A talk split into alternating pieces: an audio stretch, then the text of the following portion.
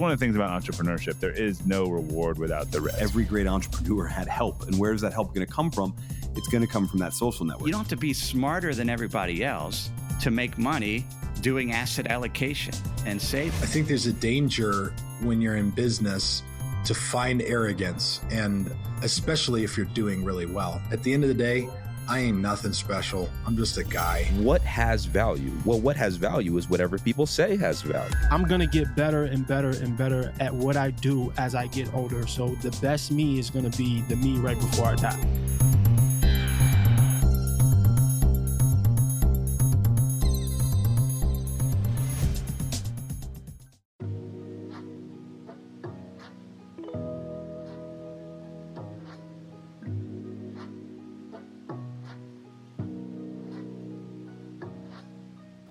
Hey, family, welcome back to the Marketplace Podcast. I'm your host, Priest Willis, and on today's episode, number 154, I'm joined with Roger Dooley. Roger is an author and international keynote speaker. He is also a recognized expert in the use of brain and behavior research and to improve marketing, sales, consumer experience, and corporate culture. He's worked with companies ranging from Fortune 500 firms to entrepreneurial startups to enhance their digital and conventional marketing. Now, the reason why we have Roger on today is to talk about his latest book, Friction The Untapped Force That Can Be Your Most Powerful Advantage. Roger has also written a best selling book called Brainfluence 100 Ways to Persuade and Convince Consumers with Neuromarketing, which has been translated into nine languages. In addition, Roger writes on the popular blog Neuromarketing and a column at Forbes.com. He actually founded Dooley Direct, a, a consultancy agency, and co founded College Confidential, the leading college bound website, which was acquired by Hobsons, a unit of UK based DMGT, where Roger served as vice president of digital marketing after the acquisition.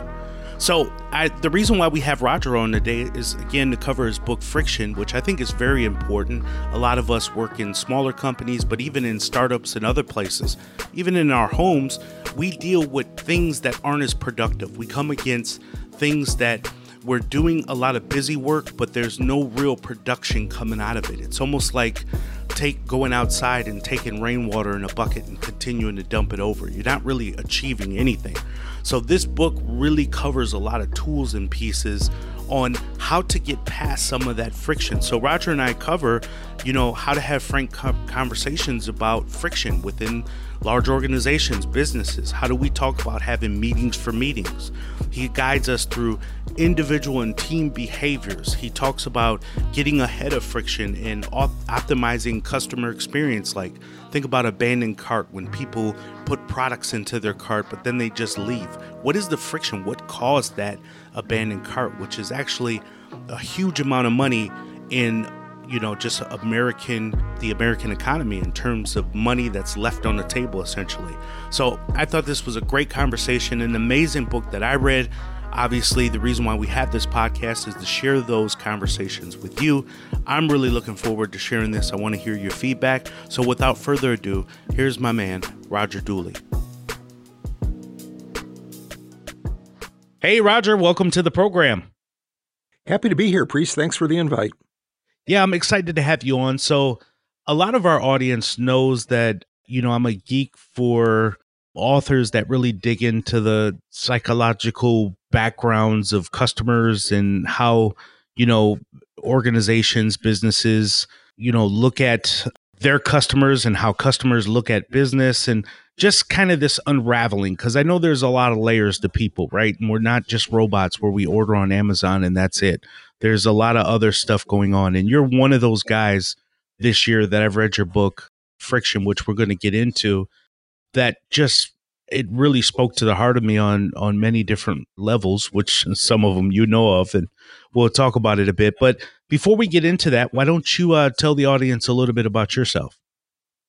Well, to put it uh, very quickly, I guess. Uh, uh these days, I am an author and speaker and trainer. I uh, basically focus on applying behavioral science uh, in a very practical, real world so, sort of way. My first book was Brainfluence, that was about practical ways marketers could use uh, both neuroscience and psychology and uh, related fields to market better. And each each is very sort of bite size. Each chapter is a bite size idea of um, you know here's something here's a either a scientific theory that's been demonstrated to be true, or here is a piece of research, uh, and then translating that into a practical marketing strategy. Uh, my book, Friction, is a little bit more ambitious. It's sort of a unified theory of friction and how uh, human effort drives our behavior. And uh, when you are wasting, uh, say, your customer's effort, you are driving them away. They perceive that and they will abandon you. Uh, in fact, there's tremendous data showing how important um, uh, that is uh, not not wasting the customer's effort uh, in developing long-term loyalty, uh, developing positive word of mouth. But before that, um, I was an I've been an entrepreneur for a few decades, uh, both in the direct marketing space and then later the digital marketing space. And way before that, I was a uh, an engineer and a corporate executive. I was had gotten to a pretty senior level of uh, strategy. I was the director of strategic planning for a Fortune 1000 company when I chose to bail out and become an entrepreneur. So that's sort of a reverse chronology of what I'm doing. But uh, I really enjoy what I'm doing now because I can uh, talk to people about ideas. I'm uh, like you, I have a podcast, so I get to speak to a lot of smart people and sort of pick their brains and then translate all of this into my writing. Yeah, you know, it's interesting when I, you know, and I want to call this out from you because I think you delve a lot into this and the psyche behind it. But when people say that they're in strategy, it sounds really fluffy and like, okay, strategy. What does that mean? Uh, can you can you just share really quickly what your idea behind strategy means at the heart of it? Well, uh, when I was in strategic planning, in truth, it was a little bit fluffy because uh, there tended to be uh, we were trying to extract business plans from business unit managers who basically uh, created these sort of hockey stick graphs of, uh, well, this is our business now, and our business currently is kind of bad, but wow, next year it's going to get a little bit better, and the year after that it's going to be spectacular. And so that that wasn't. Uh, it was it was pretty hard to really sort of uh, put more solid plans and better forecasts into place. That was kind of challenging, and uh, so there there was some fluff in that. And after after that, in fact, strategic planning as a whole kind of went. Uh, uh, it declined a little bit in popularity simply because of that. Uh, people would create these plans and they put them on uh, the shelf and forget about them. But uh, these days, I think that every business has to have a key focus, uh, and this isn't creating hockey stick projection graphs, but rather to say focus on the customer and really focus on the customer. You know, in my book Friction, Amazon is front and center as um, a case study. And it's because they have been relentlessly focusing on improving the customer experience. And this is something that you know a lot of companies can't say, but I just talked to an Amazon executive on my podcast uh, a few few days ago. Well, it just dropped uh, today this morning, and uh, he made the point that uh, in Amazon they do not want to hear about competitors. Uh, if you bring up a competitor and what they're doing at a meeting, you will probably uh, get ignored at best. Uh, and also, uh, Jeff Bezos says he does not care about shareholders, uh, in that he is not trying to manage earnings uh, to produce a specific shareholder return.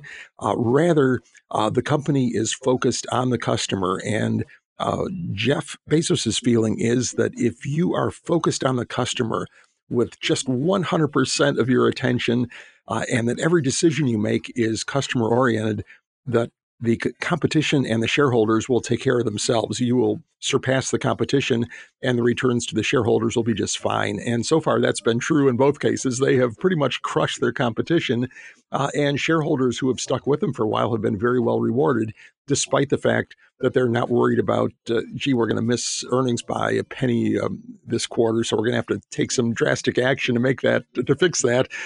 You know, and most businesses, I think many, many businesses could benefit from that attitude, although it's difficult. Uh, if you have a board who is expecting, uh, uh, you know, regular earnings growth and very predictable um, uh, profits, uh, then trying to convert to this more customer focused method it's it's a challenge yeah i mean there there's no doubt that businesses that make it clear that their focus is the customer tend we we hear a lot of success stories from that zappos Tony Hsieh, who has written a book about delivering happiness, sort of talks about the idea around his focus being the customer. And Amazon, of course, acquired them. But there's so many companies out there that you may not be known to connecting the customer focus like a Whole Foods, where there's conscious capitalism involved in how they move.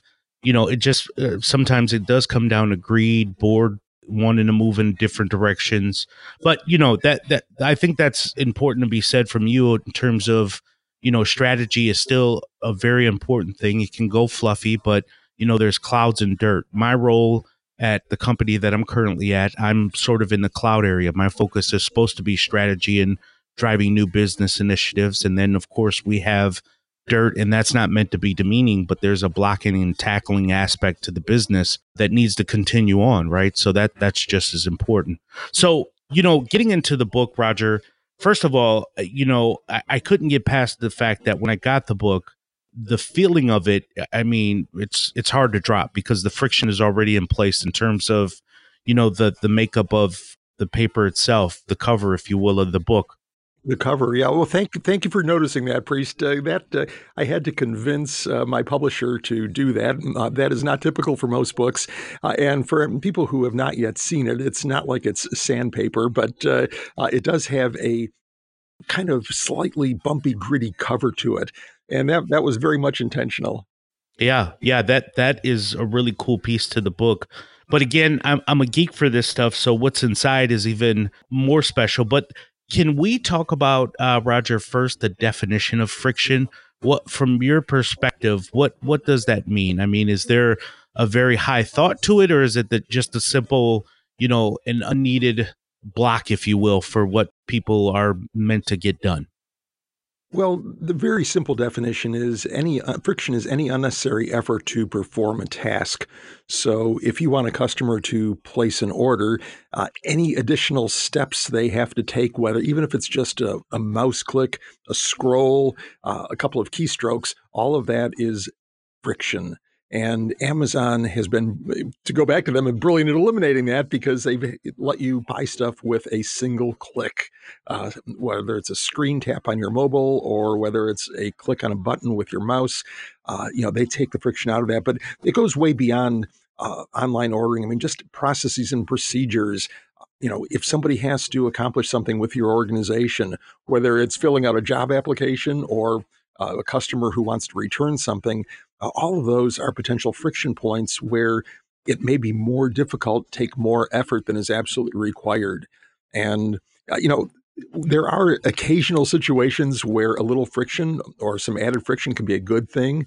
Uh, if you are trying to uh, discourage an activity, uh, and, and, you're doing so for an ethical reason, uh, then that's that can be good. For example, one company had found that people were using their 401k plan pretty much like a um, checking account almost. If they had any uh, expense come up, they would just phone human resource and say, "Hey, uh, I need to uh, withdraw X amount of money from my retirement plan," uh, and it would happen. So they added a little bit of friction by having people fill out a paper form. Now, this wasn't difficult; it wasn't meant to be difficult, but just that little added extra effort reduced the a number of people who are drawing out money from their retirement plan, which in general is not a good thing. I mean, clearly, if there's an, an emergency, that's okay. You know, you've got to deal with it, but uh, you don't want people to be uh, borrowing from their future just to pay current expenses.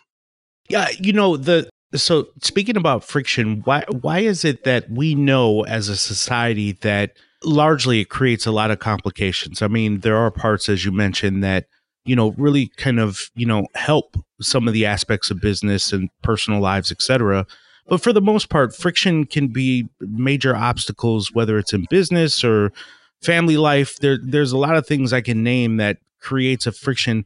Uh, so at the end of it all it can be expensive both in your personal life financial life.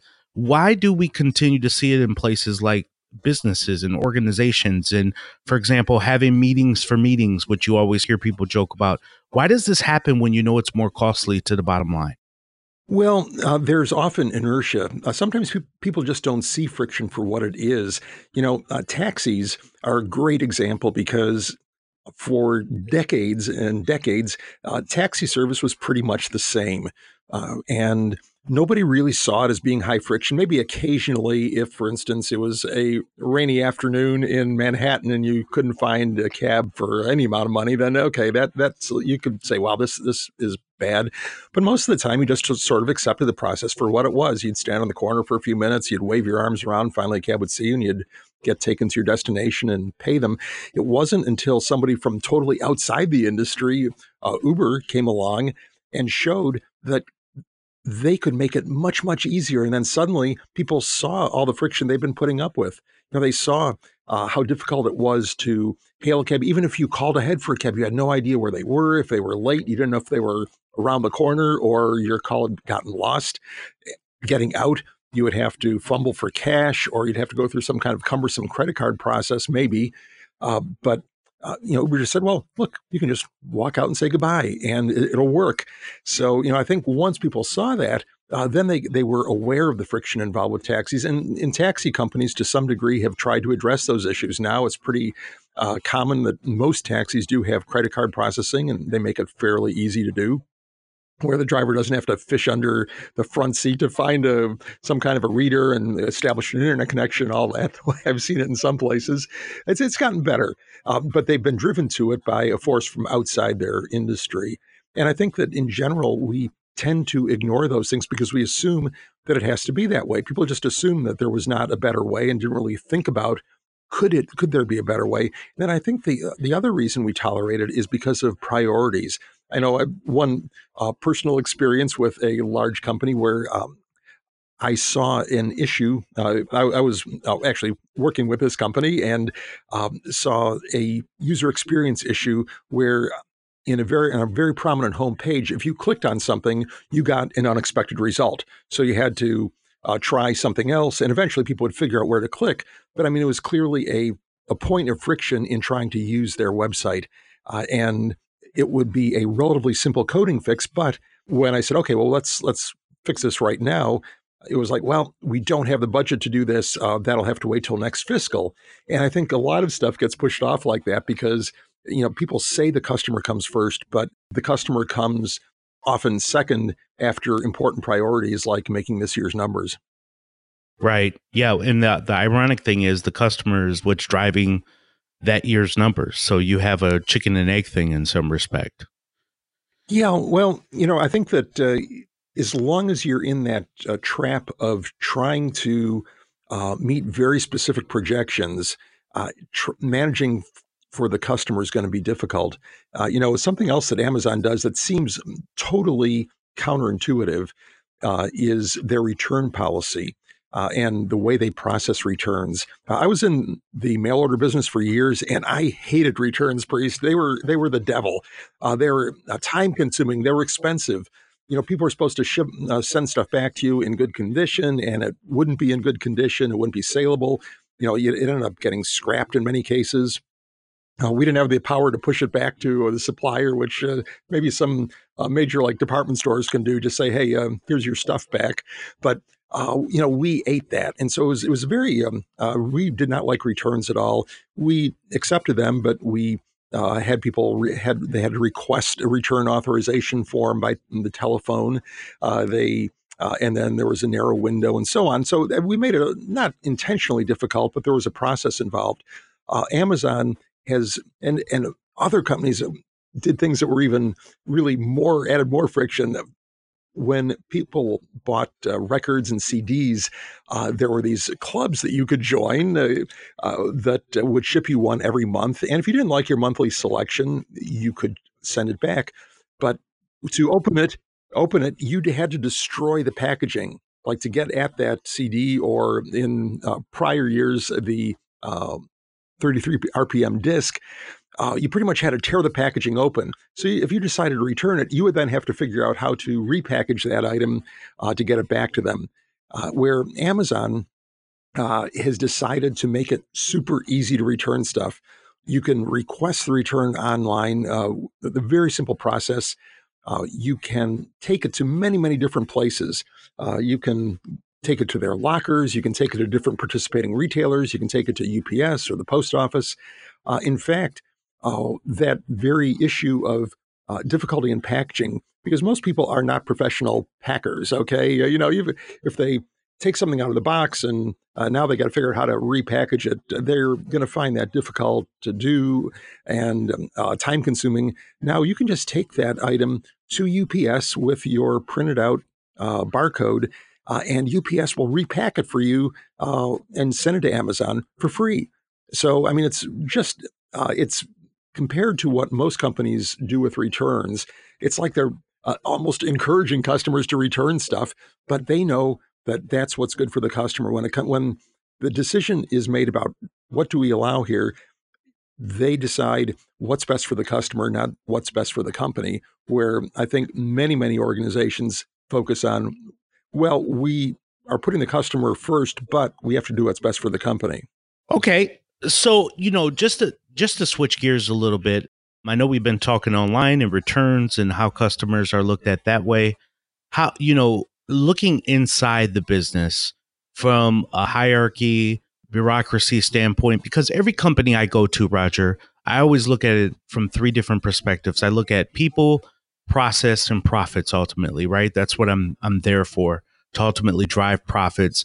Of course, I want to look at people. Do we have the right people in place? to drive the business that we need? And are the processes right? Are the tools the correct ones that we should be working with?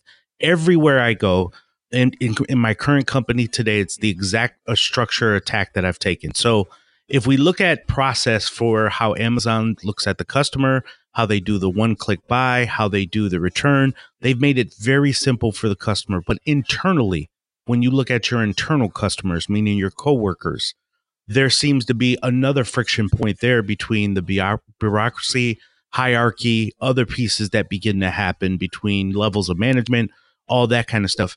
How do you how do you approach that, or how do you talk about that? Now, I know in your book here, uh, it has a chapter, particularly where it begins with Jack Welch and the bureaucracy buster.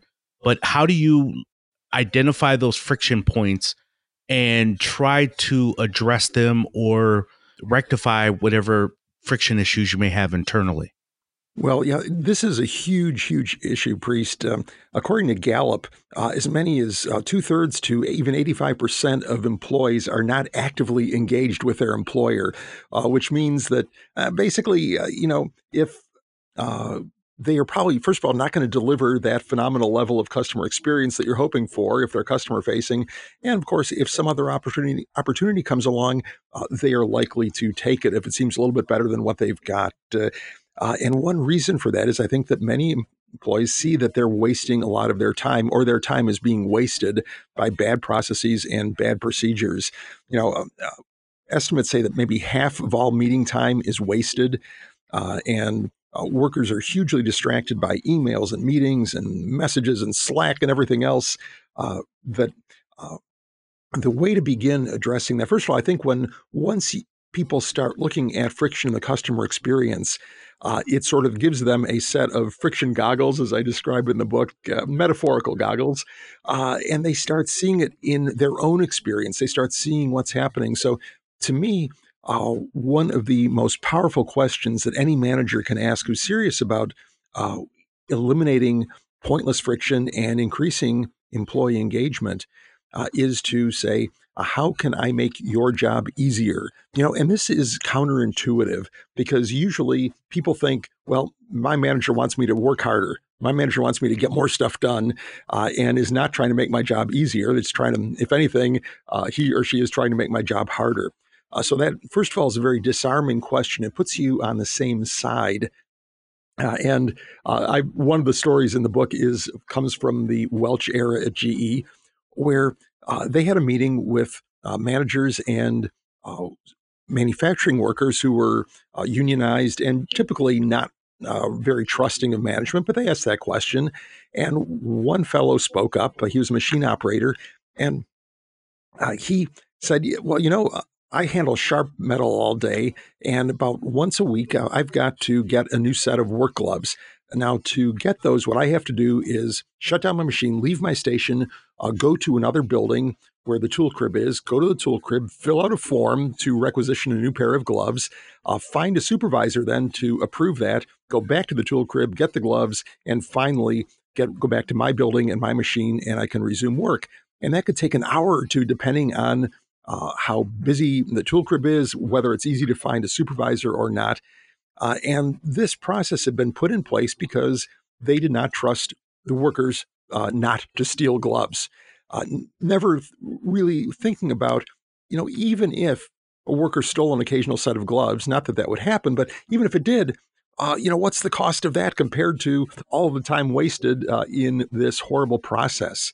And so the simple solution there was to put a box of gloves by the guy's machine.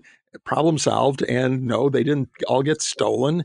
Uh, but you know, and it also showed that individual and perhaps the people around him that, okay, hey, you know, management is uh, somewhat on our side. I suggested this and it'll work. And I think that the people in the organization are often the ones who most can tell you uh, where those friction points are, where are they wasting time, uh, are they filling out uh, forms to get stuff done that were really there'd be a faster way of doing it?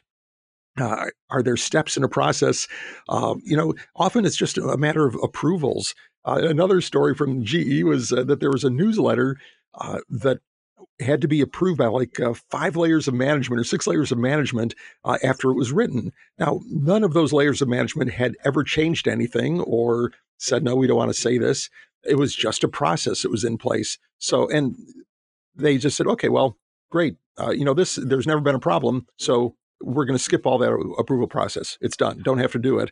And it streamlined it, saved everybody a lot of time, uh, enabled them to get the publication out faster with less effort, and didn't waste the time of the managers too that had to be just you know signing off on something they weren't really paying much attention to. Yeah, I really like this because it really changes your mindset on how you start to look at everything around you and where there's friction. And one of the examples that you brought up here was how the taxi business was just doing what it always did and here uber comes along and shake it up and now you hear people even when they explain their business and they're like yeah we're like uber but we deliver pizza. We're like uber but we sell ice cream. You know it's it's it, it's uber is now the, the the buzzword or it was at one point yeah, yeah, and I, I think because they that sort of opened people's eyes to the ways that other things could be simplified uh, and streamlined. So you know, I think it's it's valid. Although some some of the uh, comparisons were perhaps a little bit silly, but uh, you know, the basic concept is not uh, not bad at all. That if you can say take a process, and you know, it's one thing, priest. It's pretty rare for those initiatives to come from within an industry. Uh, for instance uh, you had the recording industry, uh, and Napster came along to show, wow, you could share music really easily. Uh, people could download it, they could play it, uh, and you know, instead of saying, okay, well, we don't want people stealing our stuff, but they have really demonstrated a different way of music distribution that we could take advantage of uh, and make things much better for our c- customers. Uh, all they did was sue to put Napster out of business and continue selling plastic discs. You know, it wasn't until uh, finally, uh, Steve Jobs came along and convinced them that the music store was a good idea, that uh, they finally relented, and it turned out to be a huge success. And of course, now uh, not too many people are buying plastic discs anymore. But uh, you know that initiative did not again come from within the industry; it was external, uh, and they typically fought it rather than embraced it. I want to thank today's sponsor, Blooom. Do you guys have a 401k of some kind? You're always wondering if you have the right investments, if you're picking the right thing, and you're just not fully sure. Well, Blooom with three O's, B L O O O M, does free analysis of your current employee sponsored retirement plan. You get to understand your investments at a glance and uncover unnecessary hidden fees. Then you put them to work. You put Blooom to work with your account for $10 a month and they'll essentially fix your 401k by optimizing your fund choices and minimizing those hidden fees. And then at that point, you just sit back and let them do what they're going to do. Now, I found out about Blooom because of David Stein. I was listening to the podcast Money for the Rest of Us, and he mentioned Blooom, and I just wanted to check to see if I was picking the right investments. And I wasn't that far off. There was a few tweaks, but the concept itself of Blooom is amazing. Go in today's podcast notes and check it out for yourself.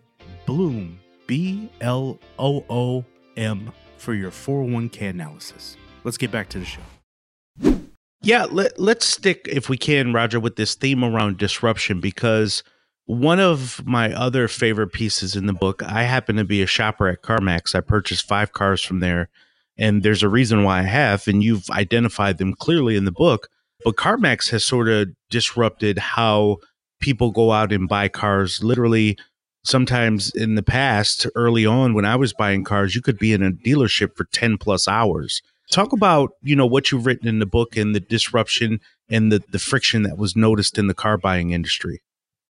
Right. Well, the, the, funny part is that again, uh, that did not uh, that innovation did not come from within the industry, and and the the key innovation was, oh, we're going to treat this like a consumer business where we're going to have inventory, we're going to have prices on stuff, we're going to have salespeople that are not uh, trying to extract extra money from the customer. They're there to help the customer make a choice, uh, and it seems pretty simple. But as you describe, uh, you know, most people would prefer a root canal to buying a car because of the high pressure sales, all the all the techniques for you know even once you decide then there are all these add-on things that they're going to get you with and you know the financing and you know they made it it was really an adversarial process. And it was also a process where one side had way more knowledge than the other. Uh, the car dealer knew exactly what the value of that particularly with used cars uh, they knew what the value of that car was. Uh, they knew if it had major mechanical problems, and uh, where the consumer just sort of walks in saying, "Well, uh, you know, I need a car, I need transportation." So it was a very unequal process. Uh, CarMax said, "Okay, we're going to try and make this a little bit more fair." Now, the people that started it were not auto dealers; it was uh, Circuit City that initiated the idea, the um, electronics retailer, because before Circuit City and Best Buy had come along as two sort of uh, you know reputable standardized dealers in ele- electronics, uh, you had uh, all these sketchy dealers out there like Crazy Charlie and whatnot who would be selling you TVs and they'd be using every trick in the book to get more money out of you. You know, the bait and switch. Uh, yes, we've got that TV, but and they'd have it sitting in a corner and the picture would be maladjusted. So, but you don't want that one. You want this one over here. Uh, that of course would be have a nice bright, uh, sharp picture on it. Uh, and it was really a terrible experience. And you constantly uh, were uh, assumed that you somehow, if you bought a piece of electronics, whether it was a TV or a stereo system, uh, that somehow you got taken advantage of. And Circuit City and Best Buy came along and changed that industry into something that was much more reputable, where stuff was sold at a particular price, and uh, you know it was uh, the salespeople in general were helpful rather than adversarial. Uh, but uh, they took this philosophy. They, they looked at different markets and they said, wow, used cars are a huge market. Uh, and it looked a lot like the old electronics business where you had these sketchy used car dealers uh, that were, uh, uh, you know, really uh, often fleecing the, the consumer. And then you had the new car dealers who uh, were perhaps more reputable, but still uh, you had that unequal knowledge situation, and uh, they tended to be a very expensive way to buy a used car because at least people felt that okay, uh, this is somebody that is maybe trustworthy. So uh, that's why. Uh, they started CarMax. They said, you know, we can bring this level of standardization and trust to an industry that currently lacks that and they've grown like crazy to the point where uh, they're pretty high up on the Fortune 500 list now. And I wouldn't know how to quantify this, Roger, but is it fair to say, you know, when we talk about examples like CarMax and other places like Uber, where innovation seems to happen outside of the industry versus within it, does that does that seem likely that there is more innovation sometimes that's created outside of the industry, like in the the you know PC market, for example? You will have people that are on the outside looking at things that may be similar to come in to revolutionize it rather than people internally. Is that kind of your thought as you do some of this modeling and you look at? Yeah, I, I think that's frequently the case, uh, Priest. You know, I, uh, sometimes innovation can come within from within an industry, uh, and uh, companies that focus on uh, really uh, letting their people generate novel ideas and supporting them uh, you know, uh, they can certainly have successes, but I think there are a couple of structural reasons why uh, it often doesn't happen. Uh, first of all, uh, many companies are afraid to obsolete their own current business to make it obsolete. Another, you know, if you have a dramatically different product to meet the same need, that will impact your current sales. And so if you decide to uh, start doing that new thing, you if it doesn't work, uh, you might screw up your current business uh, and end up with um, a really bad situation. Uh, and uh, you know, I talked to an author, Safi Bahcall, not too long ago, and uh, he points out that companies often get to a point where he calls it a phase change, where innovation suddenly stops, or at least the willingness to try risky things stops, because at that point, uh, it's better for a given manager to focus on being promoted to the next level uh, rather than uh, really trying to uh, spearhead a risky project. Uh, you know, you spearhead a risky project and it dies, well, then your corporate career is over at that corporation. Uh, on the other hand, if you just sort of meet your boss's expectations, make your boss look good, get your quarterly numbers and your annual numbers uh, right, and so on, uh, you get promoted, which has a big impact uh, on your pay. Where even if you did have a successful project, uh, it might not have much of an impact on your uh, salary or your rank. You know, you make you improve your situation in many large companies by getting promoted, uh, not by successful projects. So uh, he, he has a whole bunch of solutions for doing that. But that's that's one reason why you don't get innovation from uh, within in many cases, and oftentimes too, uh, it's a really novel combination of ideas. Like somebody from another industry says, "Well, hey, you know, we do this in uh, our industry." Couldn't this possibly work over here in this totally unrelated business? Uh, where those things are just hard to see for people inside the company. Where sometimes you get somebody who just has a you know a couple of uh, neurons cross and they say wow hey this might work. But uh, uh, you know i think the structural issues are often the key barrier. You know kodak could have been uh, a leader in digital cameras and digital photo- photography. Uh, they had the technology first but uh, it was they chose not to aggressively develop that because it would have messed up their film business. And you know they were kind of in a no win situation. Their film business was going to get messed up either way. There was no way that even if they were the top company in digital photography, that they would replace uh, the revenue and profits that came from that consumable film and processing. So, you know, I, I can sort of understand where they're coming from, but uh, still, they did not become the leader in that industry, even though uh, they had the potential to do that. Yeah. You know what's interesting? I always wonder in things like behavior science if humans are the one that is actually pushing innovation or is innovation push, pushing us? Well that's, an that's an interesting question priest and i don't know. I, I think that um, it's uh, it's sort of a circular process. Uh, typically the innovation has to come from a human but once uh, that innovation gets adopted often uh, it spurs additional innovation. I mean look at the mobile phone. I mean, a phone that you could carry in your pocket was a pretty big innovation. Uh, and then finally, the smartphone came along, and that was a, a pretty good innovation.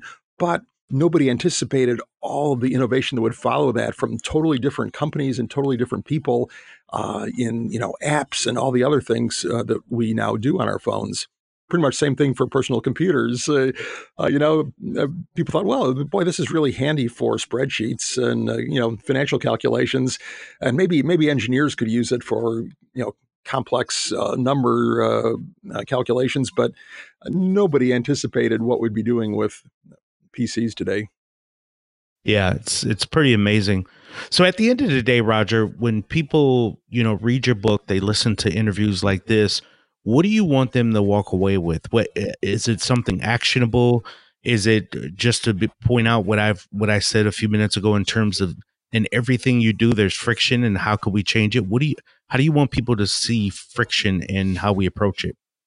Well my goal with the book is for uh, everyone who reads it to get a a metaphorical pair of friction goggles. Uh, and I start off with a little fable at the beginning of the book. Uh, uh, and for anybody who starts the book, uh, don't worry, it is mostly a conventional business book uh, uh, with a mix of stories and some theory to glue it together.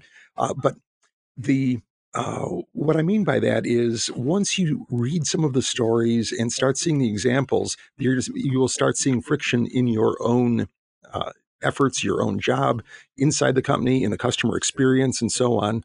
Uh, and once you start seeing friction, you can't stop. And I've seen this many times uh, when I do uh, workshops or speeches, uh, you, know, for the rest of the day, or if it's a multi-day conference, uh, for the rest of the conference, people are walking around pointing at something saying friction, friction, because uh, now they're seeing something that they previously would have just accepted and said, okay, um, you know, that could be better, that could be easier. And there's a reason that this happens. Uh, the our brains have something called the reticular activating system, RAS, uh, and this is a filter that screens out uh, everything that is not relevant to what's going on at that moment. So, uh, if you are crossing a busy street, your RAS will screen out everything except the crosswalk indicator, oncoming cars, and the pedestrians right around you. You won't be distracted by all the uh, signs and other cars going different ways and so on because uh, you wouldn't be able to move then. Uh, and uh, this is a very practical function, but and I can give you an example that probably all of our listeners have had, or most of our listeners have had, if they have ever acquired a new car. You know, after when you buy it, you think, wow, this is pretty unique looking. I don't know that I've seen another car exactly like this one, the same color and same year and everything. And within a week or so, uh, you start seeing cars that look like yours everywhere and saying, well, what's going on? Uh, uh, you know, where all these cars come from? You know, and they were always there. They did not suddenly appear, but now uh, your RAS has been trained to uh, think that things that look like your car are important because when you look for it in a parking lot, uh, you know, you've, it's got to recognize it. And so it starts uh, letting your brain see these other cars. And what my goal is that when people uh, read the book, see the examples, uh, that their RAS will be activated to find friction in their own experience, uh, in the customer experience they're providing, and they'll hopefully they'll be motivated to correct it and have the ability to correct it. Yeah, I you know again I, I'm a fan of the book. It's probably one of my favorite reads this year.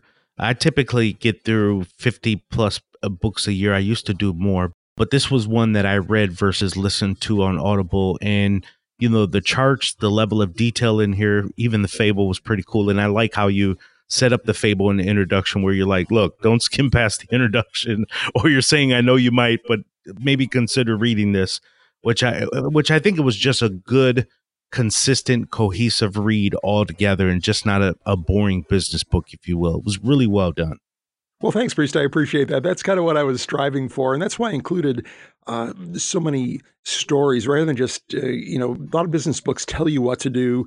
Uh, and uh, hopefully I'm doing some of that and they're providing actionable strategies, but at the same time, providing a lot of stories from different environments that people can relate to. Uh, that both it keep it keeps the narrative moving along and also gives them some concrete examples. Yeah, for sure. And look, there there's so much that we can cover in terms of friction I'm in a corporate environment, so there there's tons that I, we could cover, but we won't. What I would suggest to people is go out and get the book Friction, the untapped force that can be your most powerful advantage.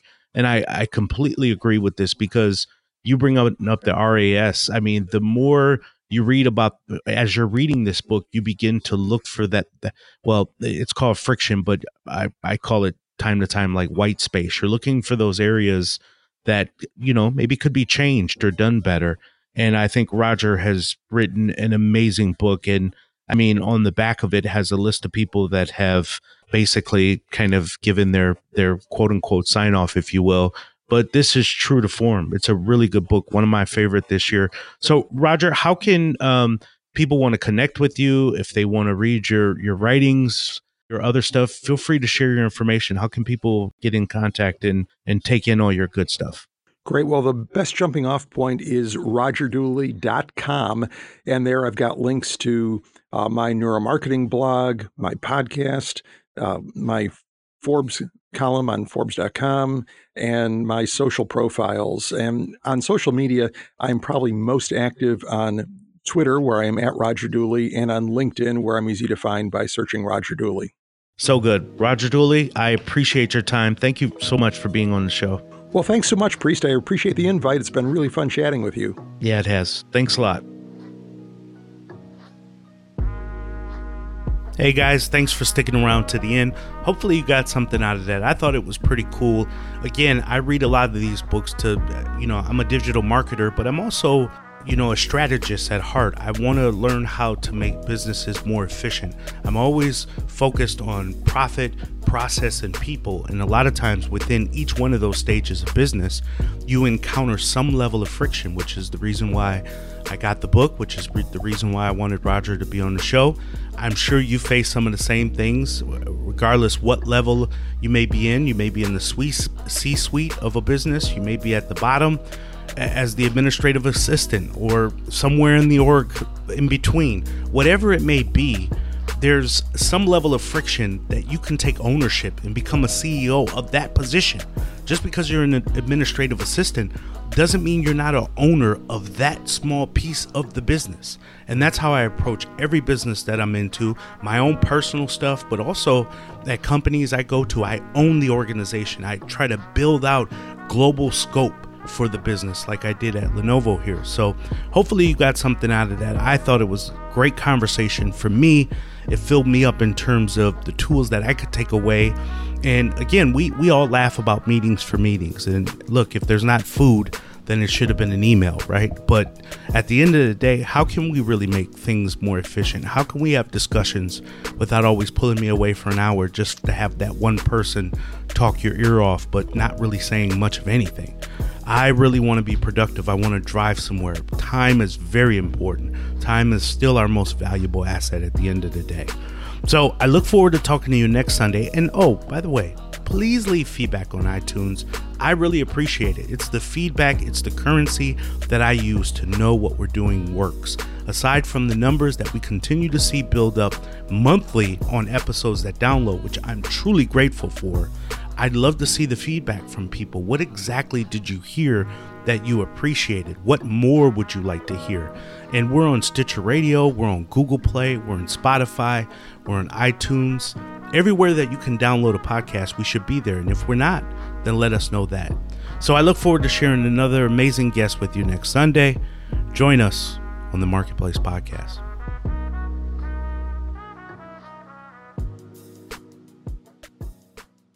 I'm the best ever. My style is impetuous. My defense is impregnable. And I'm just ferocious.